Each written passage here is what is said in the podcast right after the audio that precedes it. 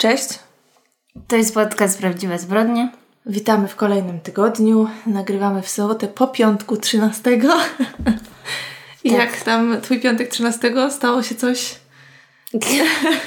Nie, nawet nie zwróciłam uwagi, dopóki nie zobaczyłam memów jakichś, że, że to był ten piątek. Yy, także wszystko u mnie w porządku. Nic się nie wydarzyło. Mój dzień był dosyć zabawny, bo zaczęłam go w zasadzie od grzebania w śmietniku w moim bloku. Tak, dlatego że w czwartek em, troszkę sprzątałam mieszkanie, a że ktoś miał na chwilę przyjść, to jakoś no, zrobiłam to szybciutko, tak? Nie, jakoś niespecjalnie y, się do tego wszystkiego przykładałam. No i będę musiała za to zapłacić, dlatego że przez przypadek, wyobraź sobie, wyrzuciłam, ja noszę taką nakładkę prostującą na zęby od kilku tygodni i ją wyrzuciłam przez przypadek. Co? Tak, i zorientowałam się późno y, wieczorem w czwartek, no. chciałam ją ubrać. A ty- ja myślałam, że ty miałaś tylko jedno pechowe wydarzenie, Nie. a to widzę była seria. Tak, tak. I, Wow. I właśnie, no już było późno, stwierdziłam, no dobrze, no to rano się przejdziemy, bo mój partner wyrzucił śmieci, no to rano się przejdziemy i zobaczymy. No i poszliśmy do tego śmietnika w rękawiczkach, zaczęliśmy tam grzebać. Było już tyle worków, tyle już tam ludzi śmieci nawrzucało, że nie byliśmy w stanie znaleźć naszych, więc niestety... Ej, no co ty, to ja bym jakiś kombinezon ubrała i tam nura dała. No ale naprawdę, no tam jeszcze jakieś liście ktoś nawrzucał, wiesz, no po prostu nie... O ja. No niestety, także, także nie udało się jej odnaleźć. E, no ale cóż, będę musiała. Jak można by to było to wyrzucić? Wiesz co, O bo co nie miałam pudełeczka Aha. i niestety zawinęłam to tak, wiesz, jakby no, umyłam, odłożyłam, żeby, żeby wyschło, żeby potem sobie ubrać, bo zrobiłam sobie tam, chciałam sobie zrobić chwilę przerwy od noszenia tego, bo tak jak mówię, miałam mieć gościa i stwierdziłam, że to dobra okazja, a okazało się to być największym błędem. Już trudno, no już zapłacenie to jedno, ale y, też irytuje mnie, że teraz będę miała przerwę w noszeniu tego i wszystko się wydłuża, wiesz, no, bo to trochę na pewno potrwa, zanim dostanę nową. W każdym razie to była przygoda numer jeden, a druga przygoda była taka, że w końcu udało mi się zawieźć e, auto do sprawdzenia, ponieważ zaświeciła mi się kontrolka poduszki powietrznej. No i tam wszyscy mi mówili, ach, to pewnie tylko, tylko tam jakiś ten czujnik, czy ta kontrolka, to pewnie nic takiego, nic takiego. No i zostawiliśmy tam samochód, myśleliśmy, że będziemy mogli go odebrać dziś w sobotę. Myślałam, że mój partner pojedzie go odebrać. No ale oczywiście pan zadzwonił wieczorem i okazało się, że cała poduszka jest do wymiany, więc będę miała kolejny fajny wydatek. No więc było zastanawianie się, co tu zrobić, czy zostawiać y, u tamtego mechanika w salonie, czy jednak może szukać kogoś tańszego, co to w ogóle za część, co to jest, a dajcie spokój. Więc y, dzisiaj jestem w nastroju średnim, przygotowuję się psychicznie na wydanie pieniędzy. I na zęby, i na samochód. Tak, dokładnie. No to pierwsze to była moja głupota, na drugie nie miałam wpływu, także no. Na szczęście moja głupota jest dużo tańsza niż y, poduszka. Wybaczcie, że tak mówię, poduszka, ja wiem, że to są jakieś tam części, coś tam, coś tam, ale no nie znam się na tym i chyba nie chcę się znać. Chcę to szyb, szybko załatwić i zapomnieć. No, ale na szczęście wszyscy zdrowi, w sumie to jest najważniejsze, także... No ja miałam przez y, ostatnie dni wolne od pracy, także nie miałam żadnych złych przygód takich jak ty. Miałam raczej same takie pozytywne doświadczenia w stylu leżenie przez cały dzień w piżamie i gapienie się w telewizor. No i bardzo fajnie, wiesz, umówmy się, moje problemy to są raczej problemy pierwszego świata, więc no ludzie mają jakby gorsze sytuacje w życiu. Jedyne co mnie zaboli to portfel, ale jakby no trudno, nie? Życie. No. Co oglądałaś? Opowiadaj. No właśnie w końcu y, możecie mi pogratulować, bo skończyłam wszystkie możliwe odcinki serialu This Is Us. Także w moim życiu zbyt dużo się nie zmieniło, bo ten serial jakby nic nie wnosi. Ale czuję, że mamy swoich przyjaciół. Y, To jest moja rodzina z, ze Stanów. Ale to jest teraz bardzo ważne, bo w sumie cały czas siedzimy na chacie, więc dobrze, że masz, wiesz. No, zdecydowanie tak, to są moi przyjaciele. Oglądam to razem z moim chłopakiem i on czasem e, rzuca jakieś takie teksty, jakby oni faktycznie istnieli. Wokół tego stworzyliśmy wiele takich rytuałów, bo ten serial właściwie on nie jest jakiś taki... Ja bym, nie wiem, ja bym go właściwie nikomu nie poleciła, ale przez to, że już tak daleko zabrnęliśmy, to głupio było zrezygnować. Ale oni naprawdę tam mają takie jakieś głupie teksty, wiesz, co chwilę zatrzymują e, dyskusję tam pięciu osób i nagle ktoś rzuca swój monolog dotyczący jakichś najgłębszych uczuć i jakiegoś takiej, takiej motywacji wszystkich. To są takie przemówienia mają co chwilę. Nie wiem, to jest po absurdalne i strasznie w sumie śmieszy, śmieszy ale jest takie e, pokrzepiające w tych trudnych czasach. I też taka ciekawostka, bo w końcu dotarliśmy już do czasów bieżących Mhm. i skumaj, że oni tam y, normalnie wprowadzili temat koronawirusa i y, też y, protestów związanych z Black Lives Matter i tak to oglądałam i tak what? Co? To już się dzieje? Naprawdę to bardzo ciekawe, bo jacyś tam ludzie chodzą w maseczkach, jakoś mówią, że nie mogą się przytulać, bo muszą zachowywać dystans. Jakieś takie to jest bardzo dziwne, bo cały czas jak coś oglądam i widzę, że ludzie się obściskują, to zawsze krzyczę koronawirus, nie wolno. Ale no też mi się zdarzyło, że się złapałam kilkukrotnie na tym oglądając telewizję, em, czy tam jakieś seriale, czy filmy, że dziwiłam się, czemu ludzie wchodzą na przykład do jakiegoś sklepu bez maseczki. Mhm. Więc oni już teraz przez to, że mają problemy z nagrywaniem po prostu kolejnych odcinków, to wprowadzili wątek koronawirusa do serialu. Spoko. No, także taka ciekawostka. Mhm. A ty coś oglądasz? Coś oglądałam, ale poczekaj, co oglądałam? Zapomniałam. A, oczywiście, tak. Obejrzałam w końcu y, ten Gambit Królowej. Tak jak wszyscy mówili, był to serial wspaniały. Po prostu jak już usiadłam, to siedziałam do nocy i y, oglądałam i bez, bez przerwy musiałam dokończyć. I no, ostatni odcinek był taki pokrzepiający i taki uroczy. Także no, bardzo mi się podobał. Jedną z rzeczy, którą e, myślę wiele osób zauważyło i która wielu osobom bardzo też się podobała, była i aranżacja wnętrz tam i, i e, kostiumy, także no to było fantastyczne. No, bardzo ładny Tak. był ten serial. Wizualnie. I tak kolory odpowiadały miejscom, w którym byli, prawda? To wszystko było takie, mam wrażenie, bardzo przemyślane. Także ładnie się tam postarali. Hit. Mhm. Tak, dokładnie. A tak poza tym to niestety nic. No czekam teraz, e, przez to, że jeszcze oczywiście przygotowałam się do podcastu e, wczoraj, to e, no i w jakichś tam wolnych chwilach, to specjalnie nic nie oglądałam po pracy. Mam kilka podcastów do odsłuchania, więc tym się pewnie będę zajmować dzisiaj. E, I nawet pierwszy raz napisałam do kogoś w internecie. Wow. Tak, bo zobaczyłam, że wspominałam Wam już o tym podcaście Dział Vintage. No. Tak, i wiedziałam, że autorka tego podcastu wrzuciła, że, będzie, że trzeci odcinek jest, to napisała mi, że bardzo się cieszy. Pierwszy raz w życiu. O, matko.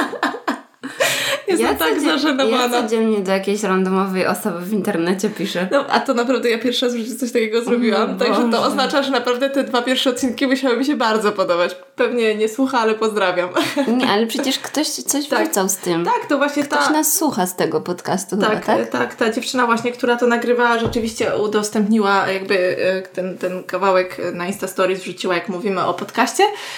E, Także no nie wiem, może przez przypadek jak coś, to pozdrawiam. Karolina chciałaby się zakumplować. No nie, chciałam po prostu pogratulować. Nie, dobra, to też brzmiało źle. Nie było żadnego podtekstu. Chodziło mi po prostu o to, że bardzo mi się podoba i myślę, że trochę brakowało po prostu mi czegoś takiego. O, kropka. Okej. No. No słuchaj, Karolino, a jak tam się czujesz ze zbliżającymi się urodzinami? Szczerze mówiąc. Jak się czuję, ciągle zapominam, że one będą. Także szczerze mówiąc, jakoś w ogóle przestałam o nich myśleć. I ostatnio pierwszy raz powiedziałam komuś, że mam 30 lat. Aha, ale Tam, nie masz tam, jeszcze. tam. Ale nastał już ten moment, bo ktoś mnie zapytał, ja tak dwa... O, 30. I czułam się z tym wspaniale. Nie, bo ja chciałam powiedzieć, że jak patrzę na swoją twarz w lustrze, to przypomina mi się, że zbliżają się urodziny. No kochana, y, ja już pierwsze siwe włosy mam od dawna i jest mi z nimi bardzo dobrze. Ja mam bardzo dużo No siwych właśnie, włosów. tak. Też mam ich sporo i jest mi z nimi okej. No, jedna zmarszczka, którą, która mi się pojawiła między brwiami była trudna do przeżycia, ta pierwsza. I rzeczywiście zakupiłam wtedy 35 różnych produktów z retinolem i jakichś tam innymi, nie wiem, zżerającymi twarz kwasami. Właśnie ja wczoraj miałam takie objawienie, bo strasznie mi się twarz wysuszyła, nie wiem z jakiego tam powodu. I w, oczywiście wtedy miałam przygotowywać się do podcastu, tam czytać coś tam, ale wpadłam w taką spiralę siedzenia w internecie i szukałam wszystkich y, kremów pod oczy przeciwzmarszczkowych. Szukałam, jaki odpowiedni jest krem dla wieku tam 30 plus. Po prostu masakra. Oczywiście jakby mój budżet właściwie nie pozwala na to, żeby takie rzeczy kupować, także znalazłam jakieś odpowiedniki dla biedaków. Ale, Ale, ja widziałam firmę, którą ty wrzuciłaś do koszyka, bo Karolina oczywiście wysłała mi snapa. Tak. Y, I ja też jej używam i ona jest bardzo dobra. A, bo ja nie wiem, właśnie zupełnie tak na szczęśliwy traf postanowiłam to zrobić ale kierowałam się kategoriami kosmetyki naturalne, mhm. kosmetyki przeciwzmarszczykowe. I coś tam e, wybrałam. I właśnie dostałam, zanim przyszłaś, to dostałam SMS-a, że mogę iść to odebrać. Także U, pobiegnę. Pobiegnę od razu, zaaplikuję jeszcze w drodze pod moimi oczami, bo po prostu tam taka susza nastała. Ja nie wiem, czy to jest ten wiek, czy to jest ten koronawirus, czy to jest to siedzenie w domu. Gdzie jest moja jędrna skóra? Ja się pytam. Ja myślę, że to jest tylko taki, taki moment, wiesz, zaczęło grzać. Mi też od no. razu wtedy skórę wysusza, także ja myślę, że jeszcze nie mamy się czym przejmować. Jeszcze, wiesz, ja zakładam, że ja młoda będę do 60 y, roku życia, potem będę w wieku średnim. Ja tylko taką wersję akceptuję, więc no. Oczywiście. No. Także ja, wiesz, ja o mojej babci mówię, że jest młoda, więc jakby zakładam, że to, że tak samo będzie sami. Ale nie zaszkodzi sobie trochę pomóc. Absolutnie, no też dla zdrowia psychicznego, prawda? Bo to od razu się człowiek lepiej czuje, jak o siebie zadba. No. Tak, i już uprzedzając te setki komentarzy, oczywiście mówię to wszystko z przymrużeniem oka, ale wiecie, no, o skórę należy dbać w każdym wieku. Tak, tak. No cóż, jeżeli macie jakieś sposoby na zachowanie jędrnej skóry, to koniecznie dajcie znać. No koniecznie. I czy jesteśmy gotowe? Dzisiaj chyba ty zaczynasz. Mm, tak, jesteśmy gotowe. Ja zaczynam. Ja na moją sprawę dzisiejszą trafiłam bardzo przypadkowo, bo właśnie przez to, że oglądałam ten serial This Is Us, to tam się dużo rzeczy rozgrywa w Pittsburghu stwierdziłam, że będę sobie jakieś hasła wpisywać Pittsburgh, crime, coś tam, coś tam. I trafiłam na hasło, które jest mi bardzo dobrze znane, na pewno Tobie też, na pewno wszystkim jest dobrze znane, ale o wiecie. Zaciekawiło Cię. Y, jakby stwierdziłam, że opowiedzenie tej historii może być ciekawe.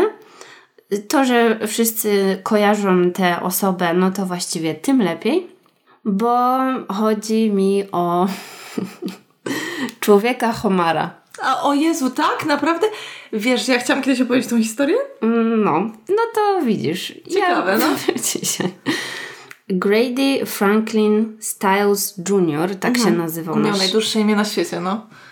Tak się nazywał nasz człowiek Homar. Urodził się w 1937 roku właśnie w Pittsburghu i jest znany z powodu swojej choroby genetycznej, która ma bardzo trudną nazwę. Nazywa się ektrodaktylia. Mhm. Jeżeli jeszcze nie wiecie, to przypadłość ta powoduje zanik palców u dłoni i być może też u stóp, albo ich zrośnięcie. I na pewno jest to takie bardzo mocne zniekształcenie. To zespolenie palców sprawia, że kończyny wyglądają jak szczypce a w niektórych przypadkach jak szczypce homara, no bo mhm. mogą być jakby podzielone na takie dwie części, albo też i więcej, bo są różne de deformacje. Tak, oczywiście, to też różnie wygląda i to myślę, że wielu z Was może kojarzyć to schorzenie z tego względu, że ostatnio było o nim bardzo głośno z powodu film, filmu Wiedźmy. Dlatego, że Anne Hathaway y, gra w Wiedźmach Wiedźmę, jest taki film. Aha. Y, I to jest remake y, no, starego no, no. filmu. I oni tam przedstawiają tą główną wiedźmę jako właśnie, że ona ma taką deformację rąk. Słusznie ludzie zwrócili uwagę na to, że jak mogli nadać taką cechę z czarnemu charakterowi w filmie, który, nie wiem, tam zjada dzieci czy cokolwiek, no bo to sprawia, że jakby tak się demonizuje tą chorobę. Aha, Wiesz o co mi chodzi? Że była krytyka. W, tak, w tak, tak, że trochę ludzie to bojkotowali. Ja o tym nie słyszałam. No, tak więc y, to nie jest jedyny, jedyna taka osoba na świecie oczywiście, ten pan Grady, ale on niestety zasłynął e, z pewnych względów. Ta ektrodaktylia istniała w jego rodzinie od pokoleń. Właściwie on był czwartym pokoleniem z tą chorobą genetyczną. I mimo, że jego ojciec właśnie też cierpiał na, na tą przypadłość, to rodzina postanowiła ze swojego dziwactwa, oczywiście w dużym cudzysłowie tutaj mówię, yy, zrobić yy, po prostu biznes. Mhm. Zwłaszcza w tamtych czasach, kiedy ludzie chodzili na tego typu y, widowiska. Tak, tak. Więc oczywiście było to bardzo rozsądne z jego strony.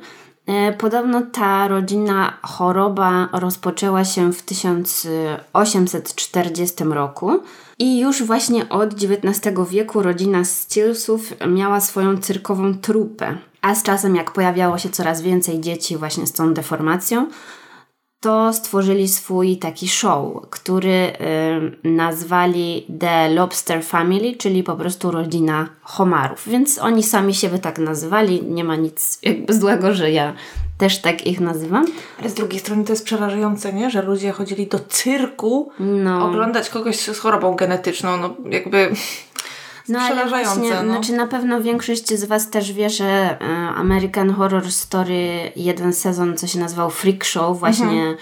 kręcił się wokół tego tematu i ten Lobster Boy też tam był bohaterem. Mhm. I ja to oglądałam do pewnego momentu, potem przestałam, bo bardzo to było dla mnie nieprzyjemne do oglądania, powiedzmy. Mm, no ale właśnie oni też wszystko tam zaczerpnęli z, z prawdziwych historii no dużo było takich osób, nie tylko lobster Oczywiście. boje, ale też jakieś tam osoby z innymi deformacjami, które po prostu musiały e, jakoś tam się wspierać, tworzyć swoją społeczność, no i po prostu zarabiać na tym, no bo jeżeli nic innego im nie pozostało wtedy, no to przynajmniej... Właśnie, no to jest najgorsze w tym, prawda? Bo gdyby to ktoś zrobił y, mając wybór, tak? I stwierdził, no. nie, ja chcę być artystą, tak? Performerem, proszę mhm. bardzo ale obawiam się, że w wielu chyba sytuacjach ludzie po prostu byli zmuszeni, bo to był jedyny właśnie sposób, w jaki mogli mhm. zarobić. Nasz bohater Grady dołączył do tego rodzinnego zespołu cyrkowego w wieku 7 lat i podobno tak zaczynał swój występ. Dobry wieczór, panie i panowie. Jestem chłopcem homarem i że też w tym tekście zaplanowanym było to, że tłumaczył, że ten stan nie jest spowodowany ani przez leki, ani przez choroby, to po prostu rodzinne. No, mhm. zaczynali tak swój występ. Oni cieszyli się ogromną popularnością. Ludzie przyjeżdżali z przeróżnych zakątków e, Stanów Zjednoczonych, żeby odwiedzić ten ich cyrk. Generalnie cyrk to jest paskudny temat mhm. dla mnie, bo Też. zawsze się to dla mnie wiązało z wykorzystywaniem zwierząt, a bardzo dobrze pamiętam jeszcze jak w przedszkolu, choć czasem zdarzyło tak. mi się pójść do cyrku tak, ja pamiętam, że moja mama bardzo cyrków nie lubiła, przyznam szczerze, że no ja też byłam kilkukrotnie jako dziecko, ale no u mnie w domu to jakoś nie, nikt mnie nigdy specjalnie nie zachęcał, żeby i nie, wiesz, nie No jest, ale nie wydaje mi się, wydarzenia. że dzieci generalnie zawsze chciały chodzić. Ja pamiętam, że to było takie fajne wydarzenie. No tak, no ładnie wyglądający, pstrokato ubrani, występujący, tak, zwierzątka, no jakby dziecko jeszcze wtedy wydaje mi się, nie A było teraz... to tak napiętnowane. Wyobrażasz sobie teraz, żeby do Wrocławia przyjechał cyrk? Chyba sama bym tam poszła i nie wiem, ich wyprosić. No. wyprosić. No. no, no jakoś tam sztukę trzeba przekuć w coś innego, może coś bardziej takiego Ja nie mam nic przeciwko akrobatom, prawda? No bo hmm. to jest jedna sprawa, ale no te biedne zwierzątka, Boże, no nic. No, ale jak czasy się zmieniły bardzo, na pewno, od tamtego czasu. Tej rodzinie udało się zarobić prawie 100 tysięcy dolarów e, w jeden sezon właściwie. Wow. Dzięki temu, że ludzie kupowali bilety, żeby po prostu się na nich gapić. Um, oni jeździli w takie trasy z całym tym swoim cyrkiem, więc y, właściwie podróżowali po całej Ameryce, a jak mieli przerwę w tym swoim sezonie występów, to mieszkali na Florydzie, tak jak inni y, cyrkowcy z ich branży.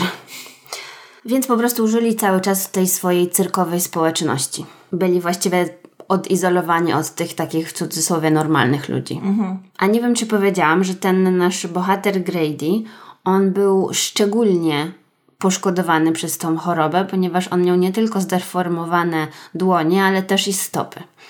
Bo czasami ta choroba objawia się tylko na dłoniach, nie wiem. Mhm. Więc y, dlatego miał problem z chodzeniem, właściwie nie mógł normalnie chodzić i korzystał z wózka inwalidzkiego, żeby się przemieszczać, jak był mały, ale z czasem ym, wypracował w sobie bardzo dużo siły co pozwoliło mu na to, żeby poruszać się na rękach czy też na ramionach. Więc naprawdę musiał być bardzo silny, bo wiadomo, że to nie jest. Nie do tego są stworzone jakby ramiona, żeby na nich chodzić. No tak, ktokolwiek chodził o kulach, to wie. No i z wiekiem e, Grady stawał się właściwie niepokojąco silny i właśnie ta siła potem e, okaże się, jak bardzo niebezpieczna była. Tam, tam, tam. Więc tak jak mówiłam, e, Grady właściwie był przyzwyczajony do takiego środowiska outsiderów, czy też e, freaków, jak to oni sami siebie nazywali, od małego, bo właściwie cały czas żyli w tym środowisku cyrkowców. Dlatego też nie było dziwne, że znalazł sobie partnerkę właśnie w tym środowisku, która również pracowała w cyrku. No i szybko stała się jego żoną. Ta kobieta nazywała się Maria Teresa. Ona właśnie pracowała w cyrku, ale nie miała żadnych wad genetycznych, po prostu podobał jej się cyrk i dlatego tam pracowała. Podobno uciekła z domu jako nastolatka i przyłączyła się do jakiejś tam grupy artystów i tak już została właśnie w cyrku. Zdecydowanie musiał ją ten Grady zafascynować. Pobrali się, mieli czwórkę dzieci, a dwoje z nich odziedziczyło chorobę ojca, tą ektrodaktylię. No i to właściwie było jeszcze lepiej dla całej rodziny, bo mogli powiększyć swój skład tego rodzinnego cyrku o kilku nowych członków. I tak też zrobili. Dalej jeździli w te trasy i zarabiali pieniądze na swojej odmienności. Jednak problem pojawił się, kiedy Grady zaczął nadużywać alkoholu i po prostu stał się alkoholikiem. Notorycznie znęcał się nad swoją rodziną. Tak jak mówiłam, był ekstremalnie silny i te jego ataki agresji powodowały, że wyżywał się właściwie na wszystkich członkach swojej rodziny. No i już po latach jego dzieci przytaczały właśnie wiele historii dotyczących tych jego wybuchów agresji. Wszystkim bardzo ciężko się z nim żyło. Podobno właśnie bardzo często używał tych swoich szczypiec, żeby sprawić komuś jakąś krzywdę. O nie. Na przykład wykorzystywał je do duszenia albo chłostania ludzi. Niestety na, najgorsza jakby historia, jaka się pojawiała w wielu źródłach, dotyczy kłótni y, z żoną, Marią Teresą. To było w roku 1973. I tak się pokłócili, że Grady był tak rozwścieczony. Ogólnie te kłótnie ich zdarzały się bardzo często, ale w tym przypadku rzucił ją na ziemię i swoimi szponami wyrwał jej z jej ciała wkładkę domaciczną. Okropne. Karolina się zakryła z wiatrem i schowała. Nie, nie, teraz jak to powiedziałaś, ja to kojarzę, bo czytałam y, o, tak, tak, ale chyba wyparłam to po prostu z pamięci. Więc tak jak z tych historii możecie zauważyć, Grady bardzo dobrze sobie w życiu radził. Przynajmniej pod względem fizycznym, bo psychicznie chyba nie. Tak, tak. Po tej akcji, oczywiste, kobieta bardzo szybko się z nim rozwiodła. Ale Grady nie, nie, nie osiadł na laurach, w końcu ożenił się ponownie, chociaż jego druga żona też się z nim potem rozwiodła, ale to do tego jeszcze dojdziemy. Grady właściwie przez kolejne lata był podłym pijakiem, jak to mówili, ale prowadził takie stosunkowo spokojne życie do roku 1978. Czyli w spokoju lał ludzi, no okej. Okay. I w tym roku 78 znowu znalazł się w centrum e, zainteresowania, ponieważ pojawił się nowy problem. Jego córeczka bowiem zakochała się w mężczyźnie, którego on nie akceptował. To była Donna, ona miała 17 lat. Podobno uciekła z tym chłopakiem i ogłosiła wszystkim, że muszą wziąć ślub, ponieważ ona jest w ciąży. Nie wiem, czy to była prawda, bo gdzieś tam pisali, że wcale w ciąży nie była, ale po prostu to spowodowało w Gradym tą wściekłość. Wezwał tego chłopaka na prywatną rozmowę do siebie. No i co się wydarzyło? Po prostu ten chłopak do niego przyszedł, a on zamiast rozmawiać, e, strzelił mu w głowę dwa razy i taki był koniec tego chłopaka. I ta jego córka potem w relacjach mówiła, że zobaczyła, że jej tato siedzi na ganku przed tym swoim domem, uśmiecha się i mówi do niej: «E, Przecież mówiłem ci, że go zabiję. Jakby był zupełnie niewzruszony tym, co zrobił. Co on cię już uważał za Boga? Będzie decydował o wszystkich życiu? No, dramat. Mhm. No nie wiem, jak tak z zimną krwią można właściwie taką przykrość swojej córce zrobić. Jakby jeżeli nie obchodziło go życie tego chłopaka, no to mogło go chociaż obchodzić życie swojej córki. No ale widocznie jakby miał zupełnie inne zasady.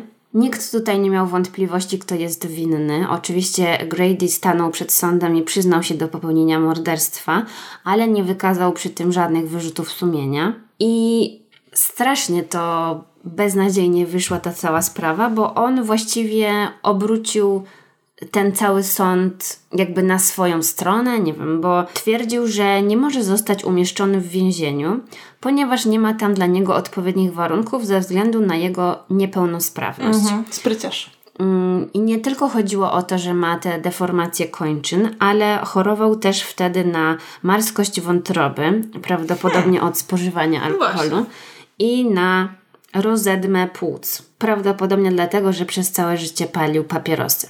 Więc faktycznie potrzebował jakiejś tam opieki medycznej. No i dzięki tym argumentom udało mu się uniknąć w ogóle pobytu w więzieniu. To jest dla mnie chore, a zamordował człowieka z zimną krwią. W 79 roku został skazany za morderstwo, ale nigdy nie odsiedział swojej kary w więzieniu ani jednego dnia. Został skazany na 15 lat w zawieszeniu, w takim domowym areszcie, ale oczywiście te 15 lat spędził na wolności, po procesie wrócił do domu i właściwie dla niego w życiu nic się nie zmieniło. To straszne, no. No i ta ucieczka od kary więzienia sprawiła, że on stał się taki jeszcze bardziej zarozumiały, bo jemu się wydawało, że właściwie jest bezkarny, prawda? No bo jeżeli kogoś zabił i nic mu za to nie zrobili, no to jaki problem, żeby tak. to powtórzyć albo coś. Podobno tam się chwalił innym ludziom, że może ich zabić, że uszło mu to na sucho i tak dalej. Jakby był z siebie bardzo dumny. No i w tym czasie Lobster Boy miał już drugą żonę i kolejną dwójkę dzieci do kolekcji. Postępował z nimi tak samo jak przed morderstwem, też dużo pił, też się znęcał nad wszystkimi, aż w końcu jego druga żona też się z nim rozwiodła. Teraz mamy taki twist tutaj. Też w jednym artykule przeczytałem, że nikt nie wie, jaki był powód tego, co się wydarzyło, ale ta pierwsza żona do niego wróciła, Maria Teresa.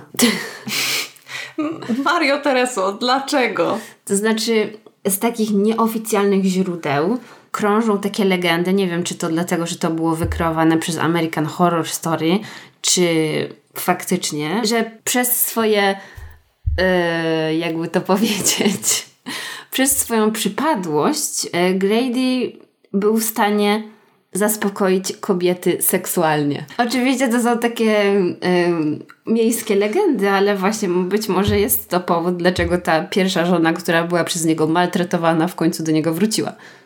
Nie, nie sądzę, żeby Maria Teresa była aż tak głupia. No ale wróciła. Może go kochała po prostu. Okej. Okay. Jest taka możliwość. E, w każdym razie ona zgodziła się ponownie wyjść za niego za mąż w 89 roku. No i oczywiście on przez chwilę udawał, że się zmienił, że rzucił alkohol na chwilę i być może właśnie przez to udało mu się ją namówić, żeby do niego wróciła ale ich szczęście nie trwało zbyt długo, ponieważ Grady bardzo szybko wrócił do picia alkoholu i do znęcania się znowu nad swoją rodziną. I znowu, nikt nie mógł z nim wytrzymać. To była męczarnia dla wszystkich, którzy razem z nim mieszkali. Dodatkowo doszło do tego poczucia, że jest poza prawem, przez co pozwalał sobie na jeszcze więcej nie wiem, może jeszcze bardziej ich wszystkich bił, albo wykorzystywał, albo znęcał się nad nimi i tak dalej, bo wiedział, że nikt nie jest w stanie nad nim zapanować. No i to doprowadziło do kulminacyjnego momentu, w którym jego żona postanowiła się jego pozbyć. Mhm. W 1992 roku Maria Teresa i jej syn Harry, który był synem z poprzedniego małżeństwa. To było małżeństwo z jakimś też cyrkowym karłem, który był nazywany najmniejszym człowiekiem na świecie, czy coś takiego. Mhm. Jej syn był przeciętnego wzrostu. Gdzieś tam napisać, że miał IQ na poziomie 79. W każdym razie jej syn pomógł jej pozbyć się męża. Kolejność wydarzeń była taka, że Maria powiedziała Haremu, że chce się pozbyć męża, po czym Harry miał znaleźć inną osobę, która to zadanie zrealizuje. Więc Harry znalazł 17-letniego sąsiada, który też występował w cyrku. On nazywał się Chris i zatrudnił go jako po prostu płatnego mordercę i zapłacił mu za to 1500 dolarów. Mm. Więc pewnej nocy Chris y, wziął swój pistolet, to był kaliber 32, wszedł do przyczepy Grady'ego i zastrzelił go podobno kiedy ten oglądał telewizję. E, Grady miał wtedy 55 lat. Mhm. Oczywiście to chyba była jakaś taka bardziej zorganizowana akcja, że ta żona wtedy wyszła pod jakimś pretekstem, że musi iść coś tam załatwić. Zorganizowali to tak, żeby on był sam w tej przyczepie czy tam w tym domu, no i po prostu go zastrzelili. Kiepskie rozwiązanie dla jakiejkolwiek sytuacji. Nikt tam e, nie zaprzeczał, wszyscy zaangażowani przyznali się do planowania tego morderstwa, no więc znowu mamy kolejny proces. Podczas tego procesu Maria Teresa opowiadała wiele historii ze swojego życia dotyczących przemocy ze strony Grady'ego. Twierdziła i była bardzo przekonana, że gdyby oni go nie zabili, to on by zabił ich. No, już jakby raz pokazał, co potrafi, prawda? A wymiar sprawiedliwości nijak nie pomógł tej rodzinie, więc tak nikt samo... go nie pilnował nawet. No przecież to jest jakiś absurd. Mhm. Tak samo dzieci też zeznawały przeciwko swojemu ojcu, no ale wiadomo, nie było tutaj żadnej taryfy ulgowej, wszyscy musieli zostać za to skazani. Więc Chris, który był tym strzelcem, został uznany za winnego morderstwa i skazany na 27 lat więzienia. Maria Teresa też została uznana za winną i skazana na 12 lat więzienia, a jej syn, on właściwie dostał największą karę, bo został skazany na dożywocie bez możliwości zwolnienia warunkowego, więc nie wiem jaka w tym wszystkim była logika, bo dostał właściwie jeszcze więcej niż ten strzelec. Ale zaraz, zaraz, nie było żadnej taryfy ulgowej, jak słyszeli, że cała rodzina, mnóstwo osób potwierdza, że po prostu typu okropny znęcał się nad wszystkimi fizycznie i psychicznie i co, nikt nie wziął tego pod uwagę? No to już były lata 90., więc domyślam się, że... Ja nie mówię, to co oni nie... zrobili było złe oczywiście, no. ale no...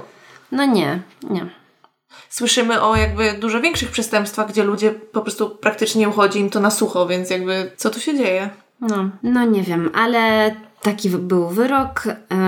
Grady Styles został pochowany na okolicznym cmentarzu dla cyrkowców. Podobno tylko 10 osób przyszło na jego pogrzeb i w każdym źródle piszą, że nikt nie chciał nieść jego trumny, mhm. bo to jakby zawsze jest ten taki rytuał, tak, żeby tak. jakieś osoby z rodziny niosły trumnę, więc tam nikt się nie zgłosił. No i Grady Styles III, czyli jego syn, powiedział już po latach dziennikarzom, że zabójstwo jego ojca nie było dokładnie takie, jak to opisano w sądzie. Powiedział, że tak naprawdę chodziło o to, że jego matka i ojciec jak zwykle wdali się w kłótnie. Matka powiedziała do swojego syna, że coś trzeba z tym zrobić.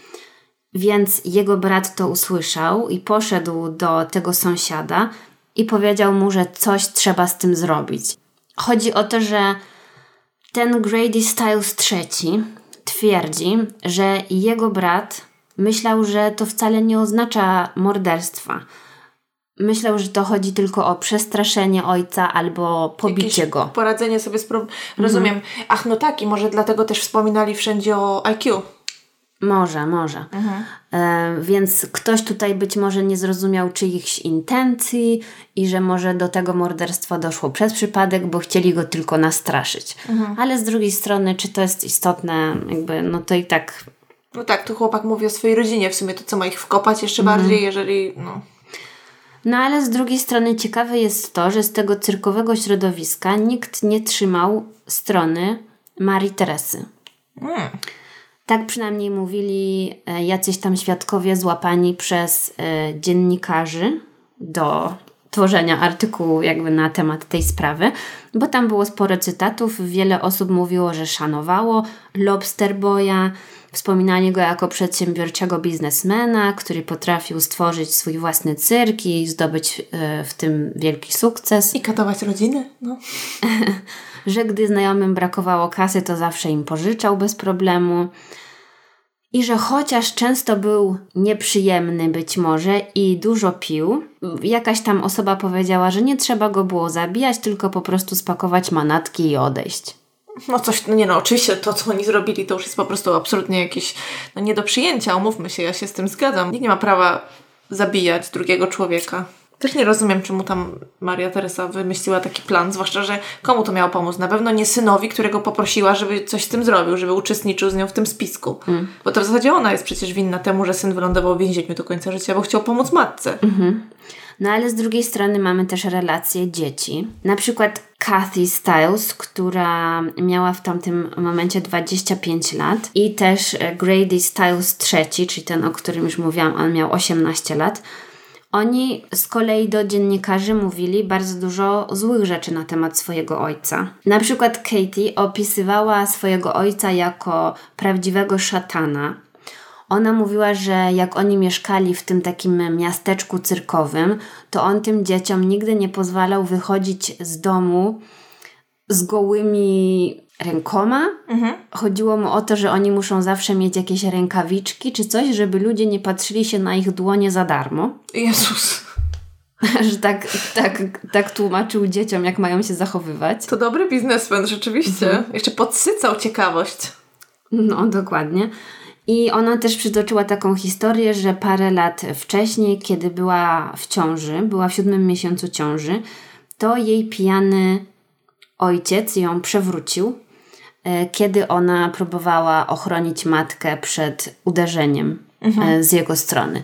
No mówiła, że znęcał się nad wszystkimi, że nie zwracał uwagi w ogóle na to, że ona była w ciąży, tylko ją tak agresywnie przewrócił i tak dalej, że no był bardzo złym człowiekiem według tych dzieci. Znaczy wiesz, czy to jest dziwne, że ludzie, których, którzy go znali tylko jako sąsiada albo kolegę, nie wiedzieli dokładnie, co się dzieje za zamkniętymi drzwiami? No, no nie, ale w dalszym ciągu rzeczywiście dziwne jest, że ta matka no nie wiem.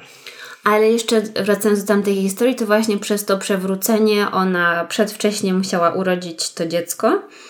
Aha, czyli były konsekwencje. No. Mm, tak, tak. Urodziła się wtedy jej córka, która również ma tą samą deformację, więc jest to szósta generacja mhm. tej choroby. No i właściwie tak się kończy moja historia. Mhm. Jeżeli Was to zaciekawiło, to właśnie odsyłam do American Horror Story, sezon Freak Show i też wiem, że na temat historii tego mężczyzny jest książka Lobster Boy, The Bizarre Life and Brutal Death of Grady Styles Jr., także chyba ktoś dogłębnie zbadał mhm. ten temat.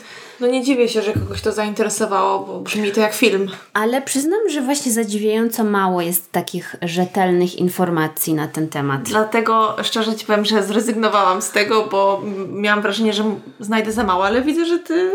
No, no bo ja tak wiesz, no posklejałam coś tak, tam, troszkę tam troszkę. ale zadziwiająco właśnie jest mało. Nie znalazłam żadnego filmu dokumentalnego. Mhm bo widocznie to jakoś tak było, nie wiem, czy jakoś przykryty był ten temat, jakiś zakopany, nie wiem, bo było parę e, takich artykułów z takich rzetelnych gazet, mhm. nie, że ktoś tam kopiuje i potem przepisuje, przepisuje w nieskończoność, ale właśnie mało. Nie wiem. Nie wiem w jaki sposób to nie dotarło do internetu, bo właściwie to się działo w latach 70., 90., to nie jest aż tak dawno temu. Mhm żeby, żeby to zaginęło. Okej, okay, to teraz Karolina zapraszamy do opowiadania. Tak. No ja też dzisiaj Was zabiorę do Stanów Zjednoczonych, a dokładnie do stanu Colorado i będzie to sprawa, która wydarzyła się w roku naszego urodzenia, więc w sumie ta dygresja o urodzinach dzisiaj bardzo tematycznie, mhm. Y, dlatego że sprawa, o której powiem, wydarzyła się 6 sierpnia 1990 roku w miasteczku Telluride chyba tak się to mówi, w Colorado.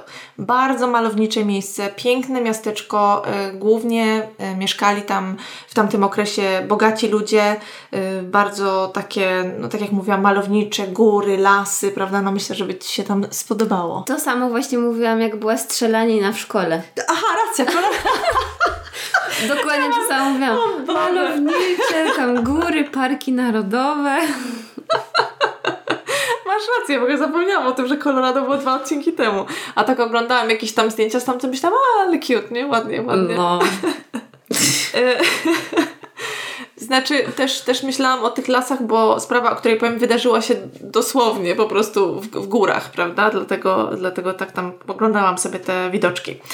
No, w każdym razie, właśnie w sierpniu 1990 roku dziewczynka dzwoni na numer alarmowy i mówi, że znalazła swoją mamę leżącą na schodach, jakby na piętrze w ich domu, czy przy schodach na piętrze w ich domu. I no mama po prostu się nie rusza, no prawdopodobnie nie żyje. Ta pani, która odebrała ten telefon, oczywiście próbowała od niej wyciągnąć więcej informacji, natomiast no ta dziewczynka miała 10 lat i no też nie wiedziała, prawda, co dokładnie się stało. Dzieci były wtedy same w domu z mamą, dlatego że y, tak, ta dziewczynka miała jeszcze brata i ponoć tego dnia y, na noc u nich też został ich jakiś kolega. Ta dziewczynka zadzwoniła na ten numer alarmowy po godzinie 7 rano. A kobietą, która leżała tam właśnie na tych schodach martwa, była Ewa Schoen. Jej mąż wyjechał w interesach, dlatego właśnie była sama z dziećmi. I oni mieszkali w takim domu, właśnie w środku lasu, w górach, w takim domu z bali, wiesz, takim pięknym, drewnianym. Mhm. Ponoć nie zamykali tam drzwi. Klasyczna historia, spokojna okolica, nigdy nic się nie mhm. dzieje, wszyscy się znają, zostawiają kluczyki w autach i drzwi otwarte na oścież w nocy. Poza tym ta dziewczynka też y, pobiegła do sąsiadów, którzy gdzieś tam niedaleko mieszkali mieszkali w podobnym domu i poinformowała tam tą sąsiadkę, to była znajoma jej rodziców, że mama tam leży, nie żyje. Ta sąsiadka przybiegła, sprawdziła puls, rzeczywiście y, niestety już było za późno, bo sama wypowiadała się, gdzieś tam widziałam jej wypowiedź, że mówiła, że chciała, wiesz, już zacząć tam pierwszą pomoc, ale jak tylko dotknęła tej Ewy, no to po prostu ona już była zimna, czyli musiała nie żyć już od dłuższego czasu. Mhm. Kiedy policja przyjechała na miejsce wydarzenia, mm, scena wyglądała dosyć dziwnie, jakby to, to miejsce zbrodni, dlatego że Ewa leżała, tak jak mówiłam, przy schodach na piętrze. I jak policja zaczęła się. Aha, i miała, miała ślad po kuli w klatce piersiowej. A jak policja zaczęła się rozglądać po domu, to szybko doszli do wniosku, że miejsce zbrodni to była sypialnia. Dlatego, że tam na łóżku znaleziono ślady krwi. Było też tam kilka jakichś rzeczy porozrzucanych. I między innymi znaleziono tam łuskę od pocisku. Mhm. Oczywiście wzięto ją do badania, wiadomo.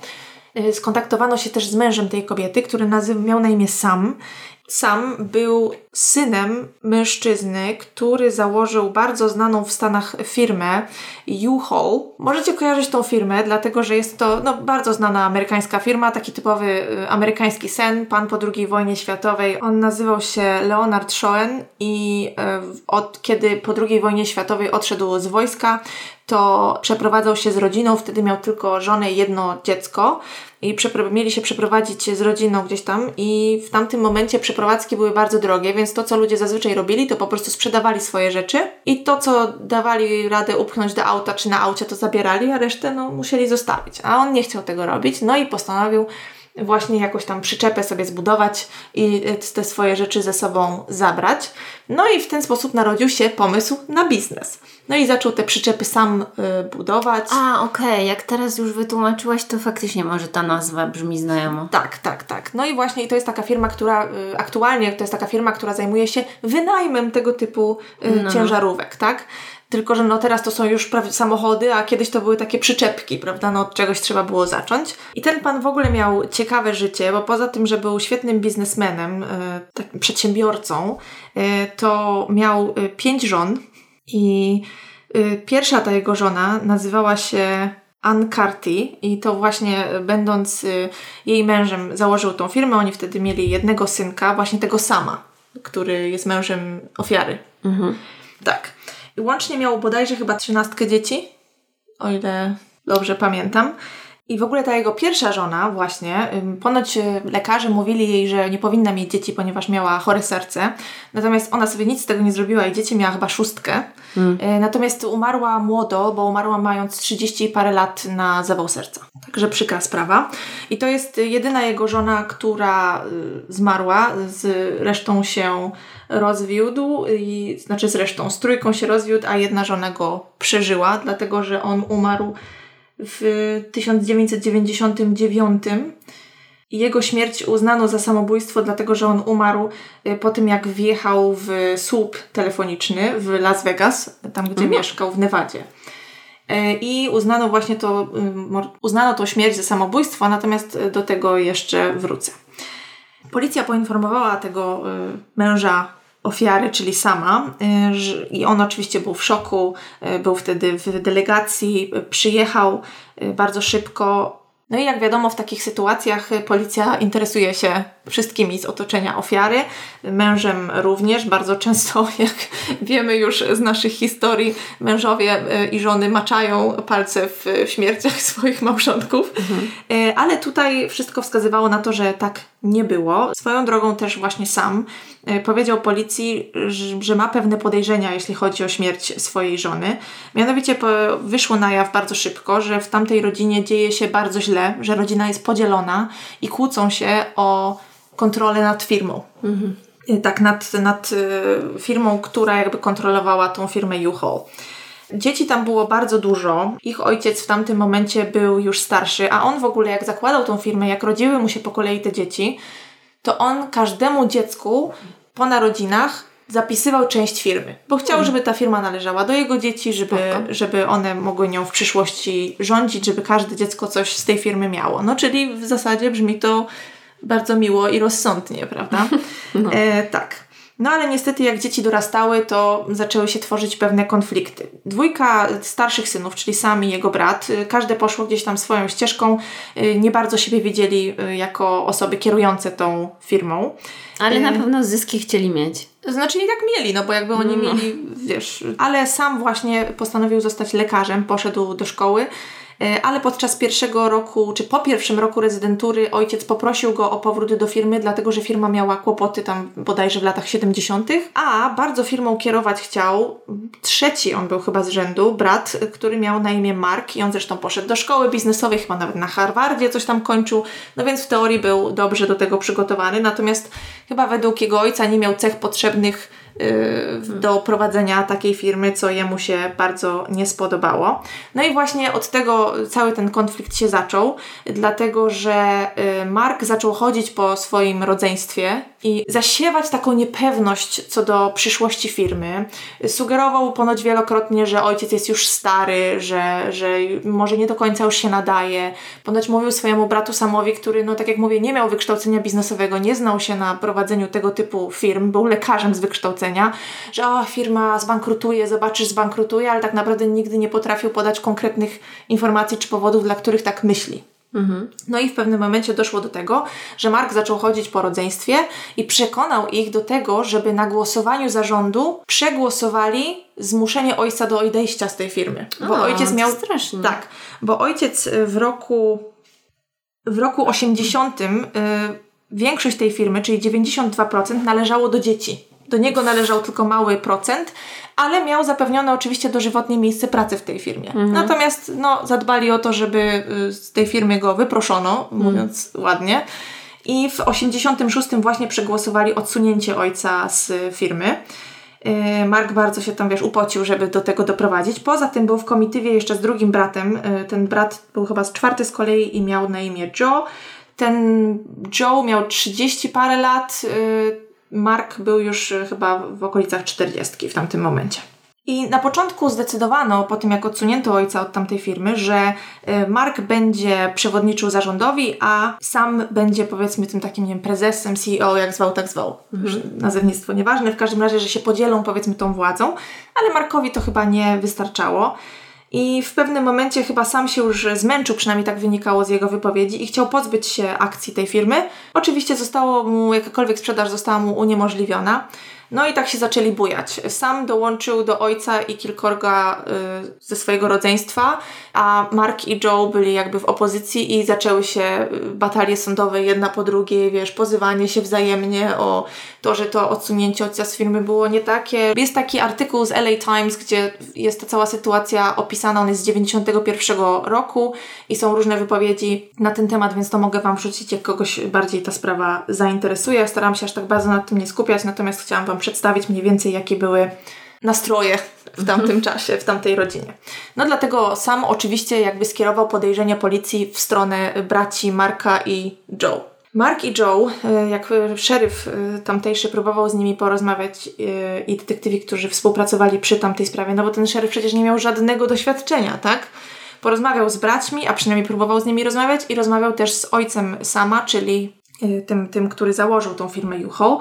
No i ojciec sama miał podobne zdanie co sam i twierdził, że oni w jakiś, może nie bezpośredni, ale pośredni sposób mogli mieć coś wspólnego właśnie z zabójstwem Ewy. Mhm. Tak. Oni też mieli takie podejrzenia, że może ktoś zlecił to zabójstwo, tylko ofiarą miała, miał być sam, nie Ewa, prawda, no tego typu, tego typu rzeczy. No i kiedy y, detektywi chcieli porozmawiać z Markiem i Joe, no to szybko okazało się, że oni wcale nie są jakoś specjalnie skorzy do rozmowy, wręcz ponoć y, byli bardzo agresywni podczas tej rozmowy, mówili dziwne rzeczy, gdzieś tam znalazłam jakąś taką wypowiedź, że Mark czy ktoś mi powiedział, shit happens, mhm. Y, czy, czy coś takiego. I oczywiście oni nie mieli z tym nic wspólnego, każdy tam był obwarowany adwokatami, prawda, i, i w zasadzie ciężko było tak naprawdę detektywom y, jakieś konkretne informacje od nich wyciągnąć. No i w tym wszystkim zabawne jest to, że tam każde wiesz, pokazywanie palców jedno na drugie, a tak naprawdę ponoć ta Ewa była zupełnie jakby odsunięta od, od tej mhm. firmy. Ona, ona w ogóle z pochodzenia była Norweszką i zanim poznała sama już raz była mężata, natomiast się rozwiadł, rozwiodła. Mężata, nie wiem co to jest za słowo. Mężatką. tak, właśnie. E, I poznali się, wzięli ślub i mieli e, razem dwójkę dzieci. Przeprowadzili się z Phoenix do właśnie tego miasteczka w Colorado dwa lata przed jej śmiercią. Ona ponoć kochała spędzać czas na dworze, jej pasją były jej pieski, miała jakieś tam rasowe pieski i właśnie też i informacja jakby z tego wieczoru, e, kiedy zginęła, czy z tej nocy, kiedy zginęła, była taka, że ona przed spaniem zamknęła psy w piwnicy, e, bo ona chyba miała sześć tych psów, także bardzo dużo, czy pięć, mm, już nie pamiętam. Super.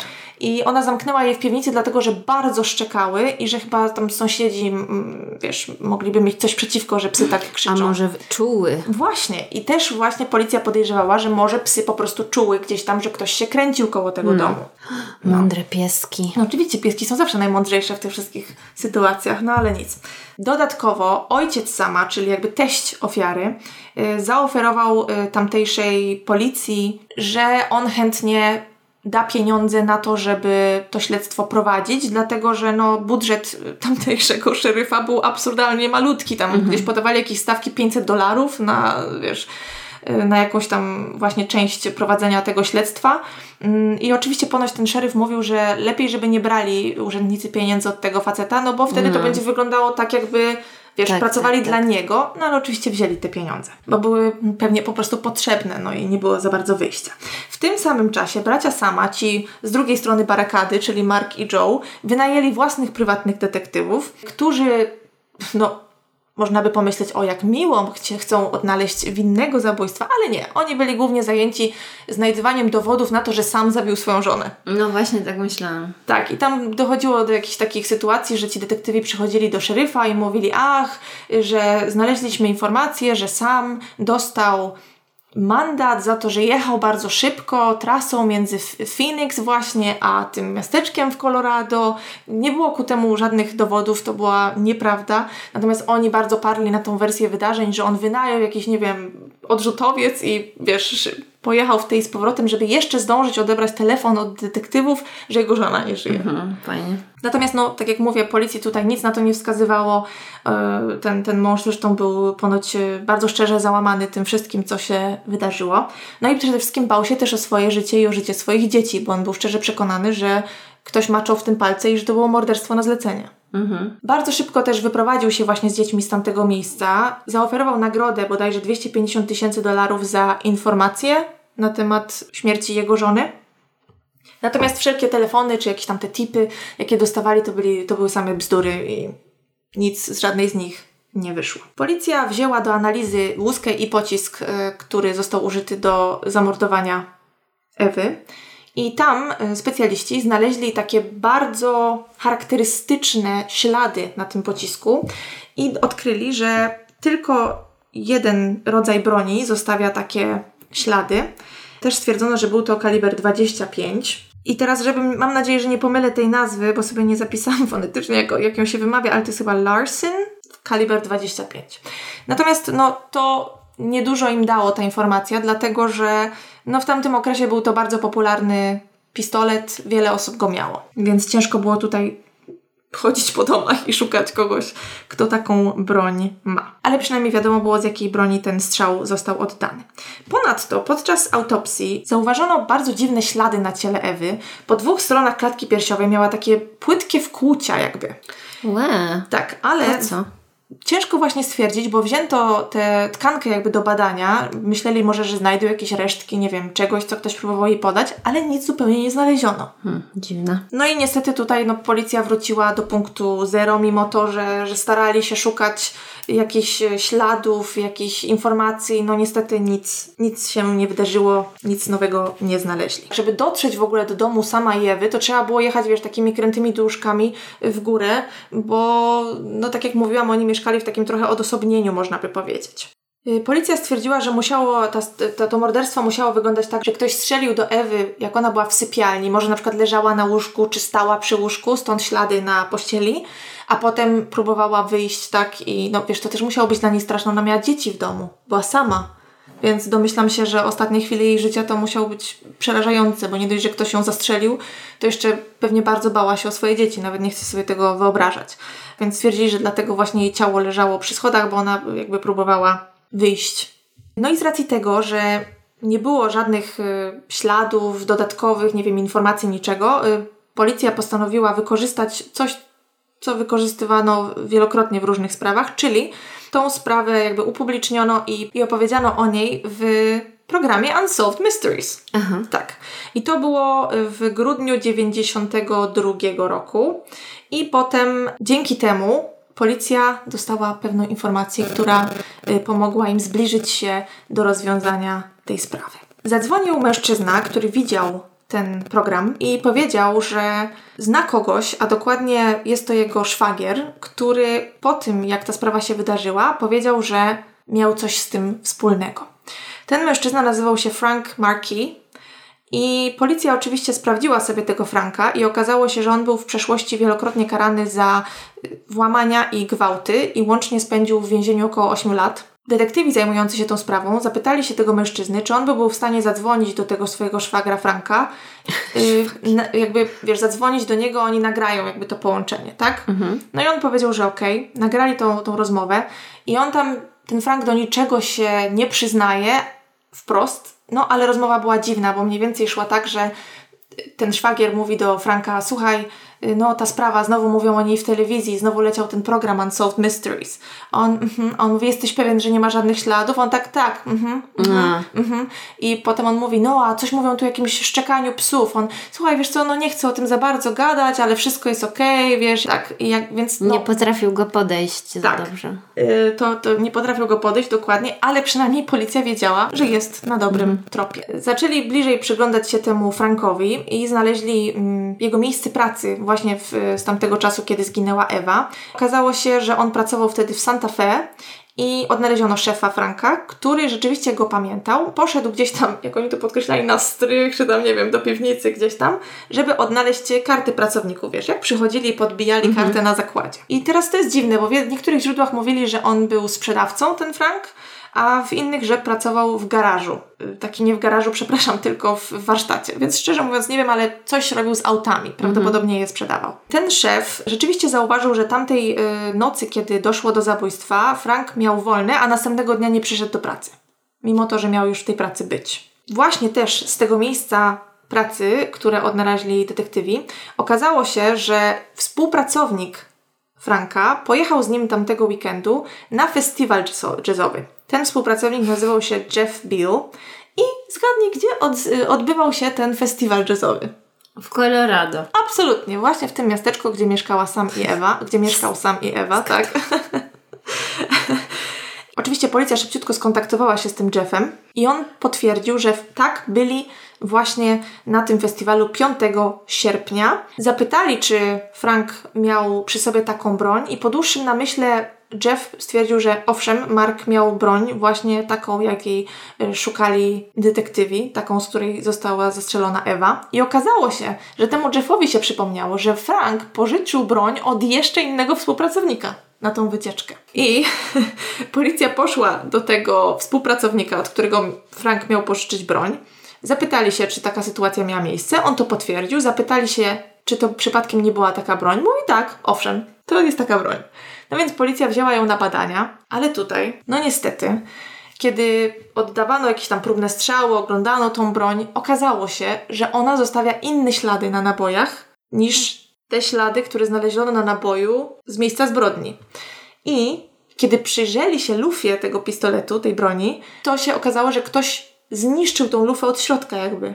Co? Tak, że albo tam musiał pilnikiem jakoś jeździć, wiesz, takim grubym, albo yy, tym wiertłem. Mm. Czyli ktoś z premedytacją uszkodził tą lufę od środka. Aha, że ona że już... jak jest uszkodzona, to zostawia inne Tak. ślady i coś tam? No tak, no bo jak wiesz, jak ktoś tam wsadził wiertło i je włączył, no to przecież musiał coś tam pozostawiać, jakieś ślady, tak? Skomplikowane. Tak, bardzo skomplikowane. Mam nadzieję, że nadążacie, bo ja już, wiecie, jestem cała spocona. Dobrze. Niestety, mm, mimo tych wszystkich, powiedzmy, dowodów i zeznań, y, to było za mało, żeby móc aresztować Franka. Policja dalej przepytywała tego jego kolegę Billa, z którym on był, Jeffa w zasadzie, bo Bill to było jego nazwisko, z którym on był na tym festiwalu jazzowym. I jemu przypomniało się, że gdy wy- wyjeżdżali z tego festiwalu, że kiedy wracali do domu, do Santa Fe, to po drodze Frank zaczął wyrzucać jakieś zwitki materiału przez okno. I na pytanie, co robi, powiedział, że nie, te rzeczy nie będą mu już potrzebne. Mówię, Jakby klasyczna sytuacja, zawsze tak robię. A, brudne, nie chcę mi się ich plać. Jeb za okno, dziękuję. No, Także no, ja nie wiem, sami geniusze po prostu. No ale dobra, w każdym razie policja y, pytała się tego Jeffa, czy on by był w stanie wskazać, gdzie to było. On mówił, że to była jakaś długa droga w dół, która kończyła się ostrym zakrętem, czyli prawie cała droga z tego miasteczka do Santa Fe. No. Ale zgodził się pojechać z policją całą tą drogę w nadziei, że po tych trzech latach od popełnienia zbrodni Co? tak, bo to jest już rok 93, bo przecież pierwszy raz w tym, Okej. o, tak, w tym Unsolved Mysteries wspomnieli o tym w grudniu 92. To już mamy 93.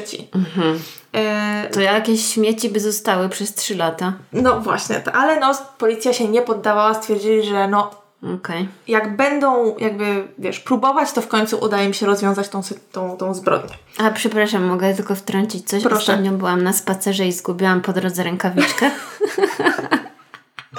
Za trzy lata. I cofnęłam się i ją znalazłam. Także nie traćcie nadziei. Właśnie, nie straci- może jeszcze ktoś znajdzie mój, mój ten, moją wkładkę na zęby gdzieś w świetniku. Jakby ktoś znalazł to. Proszę pisać. Ale w ogóle, a propos takich rzeczy, to widziałaś wczoraj stories Anny Lewandowskiej, bo ja nie wiem dlaczego, ale ją obserwuję. Ja jej nie obserwuję. Bo chcę być chyba, nie wiem, kolejnym fit, fit, guru, tak. I e, obserwuję ją i ona wczoraj mówiła, jak jacy ludzie są wspaniali, bo wracała z Warszawy do Monachium i ktoś jej napisał, bo jeszcze przed odlotem jeszcze chciała coś tam, wiesz, zrobić na telefonie i zauważyła, że ma jakąś wiadomość od dziewczyny, która napisała Pani Aniu, zostawiła Pani torebkę na lotnisku. I się okazało, że ona wzięła manatki, a zapomniała o torebce Aha. ale niestety już nie mogła wyjść, bo by nie zdążyła na samolot. I ta kobieta poczekała na jakiegoś tam jej znajomego i przekazała mu tą torebkę, żeby no. Wow. Także ludzie są kochani. No ale z drugiej strony, jakby nie była sławna, to skąd by ta No pracownica miała wiedzieć, do kogo napisać. Ale i tak bardzo miło, nie? Także Fajnie. tak, szybko zareagowała. Bardzo, bardzo miło. Ale nieważne, wracamy do naszej sprawy po tym przerywniku. Wyobraź sobie, tak jak mówię, to minęły praktycznie 3 lata. I wyobraź sobie, że gdzieś przy jednym z takich zakrętów, które wyglądały znajomo, powiedzmy, dla tego Jeffa, była taka wielka hałda ziemi, bo robili tam jakieś roboty drogowe i po prostu całą chyba ziemię zepchnęli w jedno miejsce, wiesz, w taką górę. I zatrudnili archeologów. Prawie. Oni wzięli i zauważyli, że tam różne, wiesz, różne e, rzeczy wystają jakby z tej hałdy ziemi. Więc wzięli różne narzędzia, poszli do tej hałdy, zaczęli tam grzebać i znaleźli różne y, kawałki materiałów. Wzięli te wszystkie materiały, zanieśli je do laboratorium, dali je jakiś, jakiemuś specjaliście i ten specjalista mówił, że mniej więcej jakby uzyskuje się ślady z tego typu rzeczy, bo okazało się, że w tym piachu to się całkiem nieźle za, wiesz, zachowało że po prostu jakby wszystko to, co samo spadnie z koszuli, no to out, prawda? No bo to pewnie ten piach i inne rzeczy, ale po prostu potem kawałek po kawałku zeskrobywali jakby próbki z tych, z tych, z tych wiesz, resztek ubrań. Licząc na to, że znajdą krew. Tak, i na jednym z takich właśnie kawałków, co przypominało niby białą koszulę, znaleźli włos. A, Porównano ten włos pod mikroskopem. No, jak wiemy, to nie jest Rzetelny dowód, Tak. włos, bo mogą być Tak. podobne. Porównali i stwierdzono, że z dużym prawdopodobieństwem jest to włos Ewy. No i po rozmowie z tym Jeffem Billem policja e, jakby zebrała już ileś tam dowodów i w 93, a dokładnie w lipcu aresztowano Franka. I on siedział w więzieniu e, ponad rok, nie chciał w ogóle, w areszcie w zasadzie, nie chciał w ogóle ws- współpracować z policją i ponoć dopiero kiedy oni zaczęli mu mówić, że mają tego włosa, że on jest Ewy, że oni to wiedzą, zdecydował się ponoć dopiero wtedy na mówienie. A jeszcze policji po- ponoć dało do myślenia jego dziwne zachowanie w areszcie. O tym mówili akurat w jednym z programów, jakie widziałam na ten temat. I ten program, o ile pamiętam, to był ten program i on ma jakąś taką absurdalną nazwę, już Wam przytoczę. E, ten program nazywa się Power, Privilege and Justice. Tak się nazywa. Dominic Tak, ja wiem. No, no właśnie. Kiedyś się sprawdzałam ten program, no, no, no. Tak, Chyba o tym, z tego programu albo z podobnego wiedziałam o tym morderstwie Gucci. Mhm.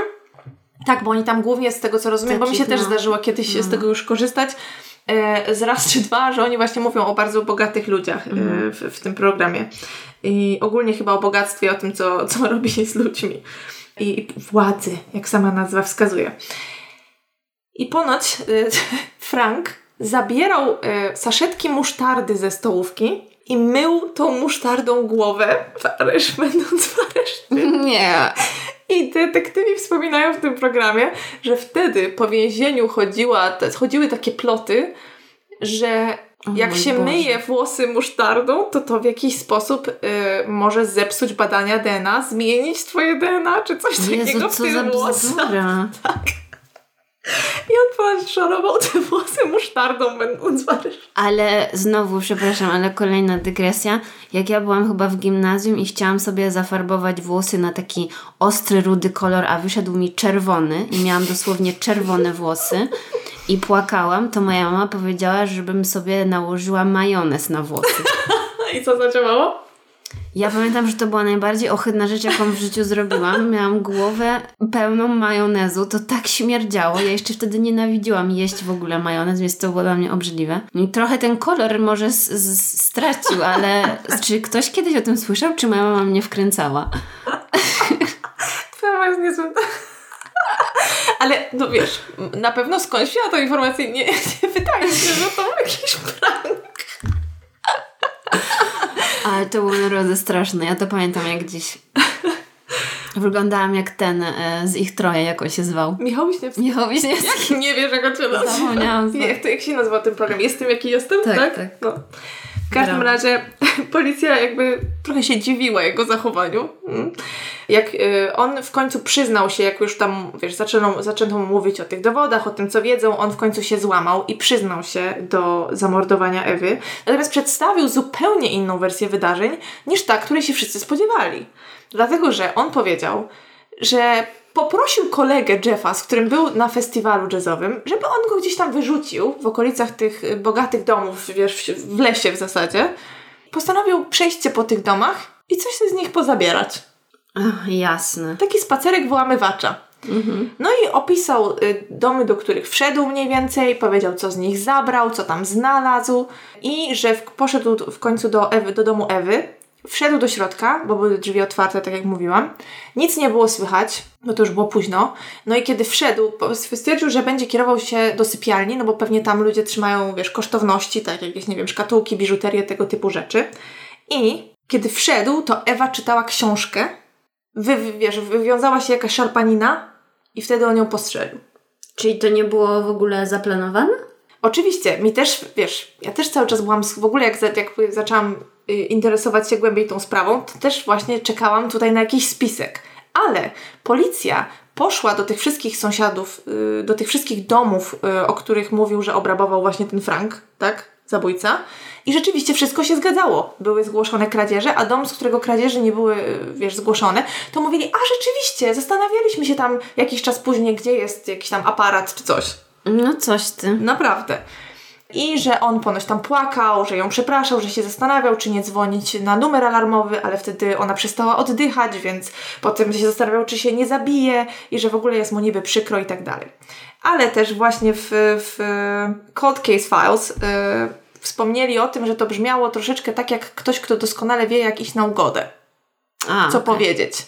No ale z drugiej strony co, że niby może najpierw ją zamordował, a potem zaczął obrabowywać inne domy może? Nie, nie, nie, że najpierw, że nie, chodziło o to, że, że wiesz, że taką skruchę wyrażał. A, okej. ja, ja myślę, że to o to chodziło, bo w sumie, no nie wiem. Yy, ale też roz, w jednym, nie pamiętam już w którym źródle, czy to było w jakimś artykule, czy w którymś z tych programów, rozważali taką opcję, że może on Ewę obserwował, z racji tego, że był, miał już na swoim koncie przestępstwa seksualne, że on ją może obserwował i po prostu chciał ją wykorzystać. Mąż Ewy średnio przyjmował tą wersję, bo on mówił, że ona była w cudzysłowie dużą kobietą, silną, tak, wysportowaną, bo on cały czas był też zafiksowany na tych nakłuciach, No.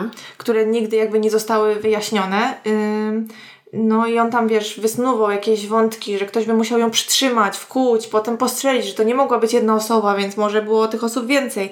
No ale siedząc tyle czasu w areszcie, tyle czasu w więzieniu, jakbyś miała opcję kogoś wkopać i zrobić sobie lepiej, nie zrobiłabyś tego? Bo to też podkreślali, więc to by było dziwne, że on by kogoś krył przez taki czas, z No takiego tak. powodu, prawda? Więc nie wiadomo, czy do końca rzeczywiście taka jest prawda, jak powiedział, ale też mi się wydaje mało prawdopodobne, że kryłby y, jakichś facetów, którzy pewnie i tak by dali radę się wybronić, jakby mając, wiesz, nie wiadomo ile pieniędzy i tak dalej. A może sobie by mógł y, ułatwić życie. Poszedł i tak właśnie na jakąś tam ugodę, dostał łagodniejszą karę, został skazany w listopadzie 94 roku na 24 lata pozbawienia wolności za to manslaughter i włamanie. A jednym z warunków y, właśnie tej ugody było to, że on wszystko opowie, odpowie na wszystkie pytania w sądzie. I stąd wiemy, jak wyglądała ta, ta sytuacja tamtego wieczoru. I kiedy przeczytałam, że śmierć ojca sama, czyli tego założyciela firmy Juho, uznano za samobójstwo, bo wjechał w słup telefoniczny, to tak się zaczęłam zastanawiać, czy to rzeczywiście było samobójstwo. Oczywiście nigdzie nie, nie, nie ma, na jego oficjalnej Wikipedii nie ma żadnych informacji o tym, że może to nie było samobójstwo, no ale tak się zastanawiam, czy, czy ktoś mu nie pomógł, na przykład ci synowie już mieli dosyć batalii sądowych, prawda? E, tak. Może być. I jak sprawdzałam też na Wikipedii te, tej firmy U-Haul, to aktualnie tą firmą e, zarządza, jest e, tym CEO jest Joe, czyli jeden z młodszych braci sama. No, także taka y, to sprawa. Bardzo dużo jakichś szczegółów. Jakby wyglądała na pierwszy rzut oka na sprawę, która będzie zupełnie inna, dlatego stwierdziłam, że opowiem, bo zazwyczaj mam wrażenie, że opowiadamy sprawy w drugą stronę, czyli że zaczyna się od czegoś małego, a potem się okazuje, że to było, wiesz, jakiś, nie wiem, spisek czy coś dużego, a tutaj jest na odwrót, A tutaj prawda? taki antyklimaks. Dokładnie. No w każdym razie szkoda ogromna tej kobiety i tych dzieci, yy, bo jeżeli ten yy, sam jej mąż rzeczywiście uważał, że mimo wszystko uważał, że jego bracia maczali w tym palce, no to wyobraź sobie w jakim on strachu musiał też żyć i te dzieci, prawda? Jak on musiał trzymać, jak się spodziewał, że zaraz ktoś przyjdzie go tam odstrzelić w domu. No, ogólnie kiepska sytuacja w rodzinie. No straszne, po prostu straszne. A widzisz, a tak na pierwszy rzut oka, jak usłyszałam, że ten tata, wiesz, przypisywał tam każdemu dziecku, to myślę sobie, Boże, jaki dobry ojciec w sumie, nie? Tak pomyślał, chciał, żeby wszystko było uporządkowane, fajnie, a tu było fajnie, dopóki dzieci były małe i to on podejmował wszystkie decyzje za nie, bo były niepełnoletnie, prawda, w sprawie firmy, a potem chyba zaczęła się sprawa y, komplikować. I też znalazłam taką jakąś informację na temat tego sprawcy, że on w 2011 roku wyszedł na wolność, tam warunkowo oczywiście, i mm, niby mieszka w Nowym Meksyku. Ale właśnie oficjalna wersja jest taka, że y, ta, ta, ta kłótnia rodziny, ten rozłam rodziny i walka o firmę nie miały absolutnie żadnego wpływu na to, co się wydarzyło, tylko po prostu jakiś okropny zbieg wydarzeń. Mhm. Także szkoda kobiety. Tak. Dobra. No to dziękujemy na dzisiaj i jak zwykle jeszcze dziękujemy naszym nowym patronom. W tym tygodniu jest to Adrianna, bardzo dziękujemy. Tak, i to już z tego, co tutaj widzę, to już jest pełen miesiąc, odkąd mamy Mhm. naszego Patronite'a, więc możemy chyba wrócić do początku i dziękować znowu osobom, które zdecydowały się przedłużyć jakby subskrypcję. Mhm.